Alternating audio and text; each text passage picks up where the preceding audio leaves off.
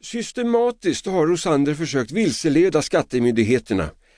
Av tio transaktioner har vi bevisat att nio är falska och den tionde är också synnerligen tveksam. Rosanders affärer är en gigantisk bedrägerihärva. Observera serien av fakturor utställda på... Rea svalde och svalde. Hon skulle inte ha en chans att börja sin plädering. Hon såg hur ledamöterna i smyg tittade på klockan. Åklagaren hade massor kvar att berätta om Rosander.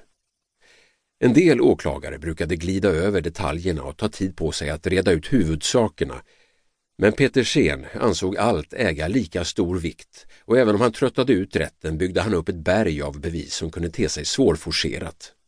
Kanske han skulle mala på ytterligare en sejour innan det blev hennes tur. Hon kunde inte annat än stirra på väskan. Vad stod i brevet? Hon blinkade några gånger för att hålla sig kvar mentalt i rättssalen. Men tankarna flöt oemotståndligt till det som varit. Hans obetvingliga humör, hans sätt att skämta som alltid fick henne att le, hans både inre och yttre styrka, hans melodiska röst, hans kvicktänkthet, hur han alltid förstått henne på sitt känsliga vis utan att hon behövde förklara med ett ord. Hur han fått henne att växa, men också hans undflyende sätt ibland, hans obenägenhet att dela med sig av hemligheter, den ytlighet som ibland avlöste djupen. Och därmed överlämnar jag målet. Va? Hade han äntligen gått i mål efter sex kvart plus två tidigare timmar? Rådman Mattsson slog genast klubban i bordet och avbröt förhandlingarna i 15 minuter. Rosander ville tala med henne, men hon sa att hon måste gå ett ärende och lämnade honom.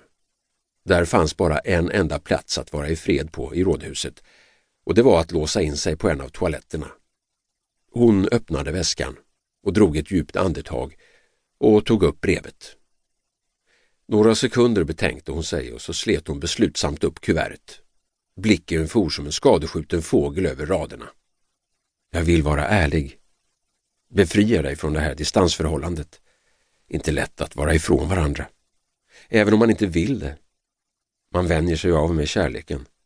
Svalnar det är så. Jag vill inte dölja någonting. Vi hade ju stått varandra så nära. Det är så att jag har träffat en kvinna som jag har... Ledsen. Så är livet. Hoppas du förstår. Jag önskar dig... Rea stödde sig mot väggen och kände hur tårarna trängde fram i ögonvrårna. Det var alltså det. Slut. Finito på exfästmannens ursprungliga tungomål. Förbannade Paolo. Förbannade karar. Hon blötte en näsduk och torkade ögonen och sminkade om sig på det lätta sätt som passade i rätten. Här kunde hon inte stå och lipa. Det fanns ingenting så opolitligt skapat på denna jord som karar. Hon hade sannoliken, nog för att hon hade haft erbjudanden, men var man kvinna var man lojal. Fästmö betydde att vara fästad vid. Hon hörde hur målet ropades på igen och med stadiga steg och torra ögon gick hon tillbaka till rättssalen för att hålla sitt slutanförande. Bredvid henne satt klienten Rosander. Hon tyckte att han ensam var en hel djurpark. Aldrig hade hon sett ett så rävaktigt utseende, blick som en lurande orm, en karaktärslöst slapp mun som hos en fisk på för grunt vatten, huvudet framskjutet som hos en schakal.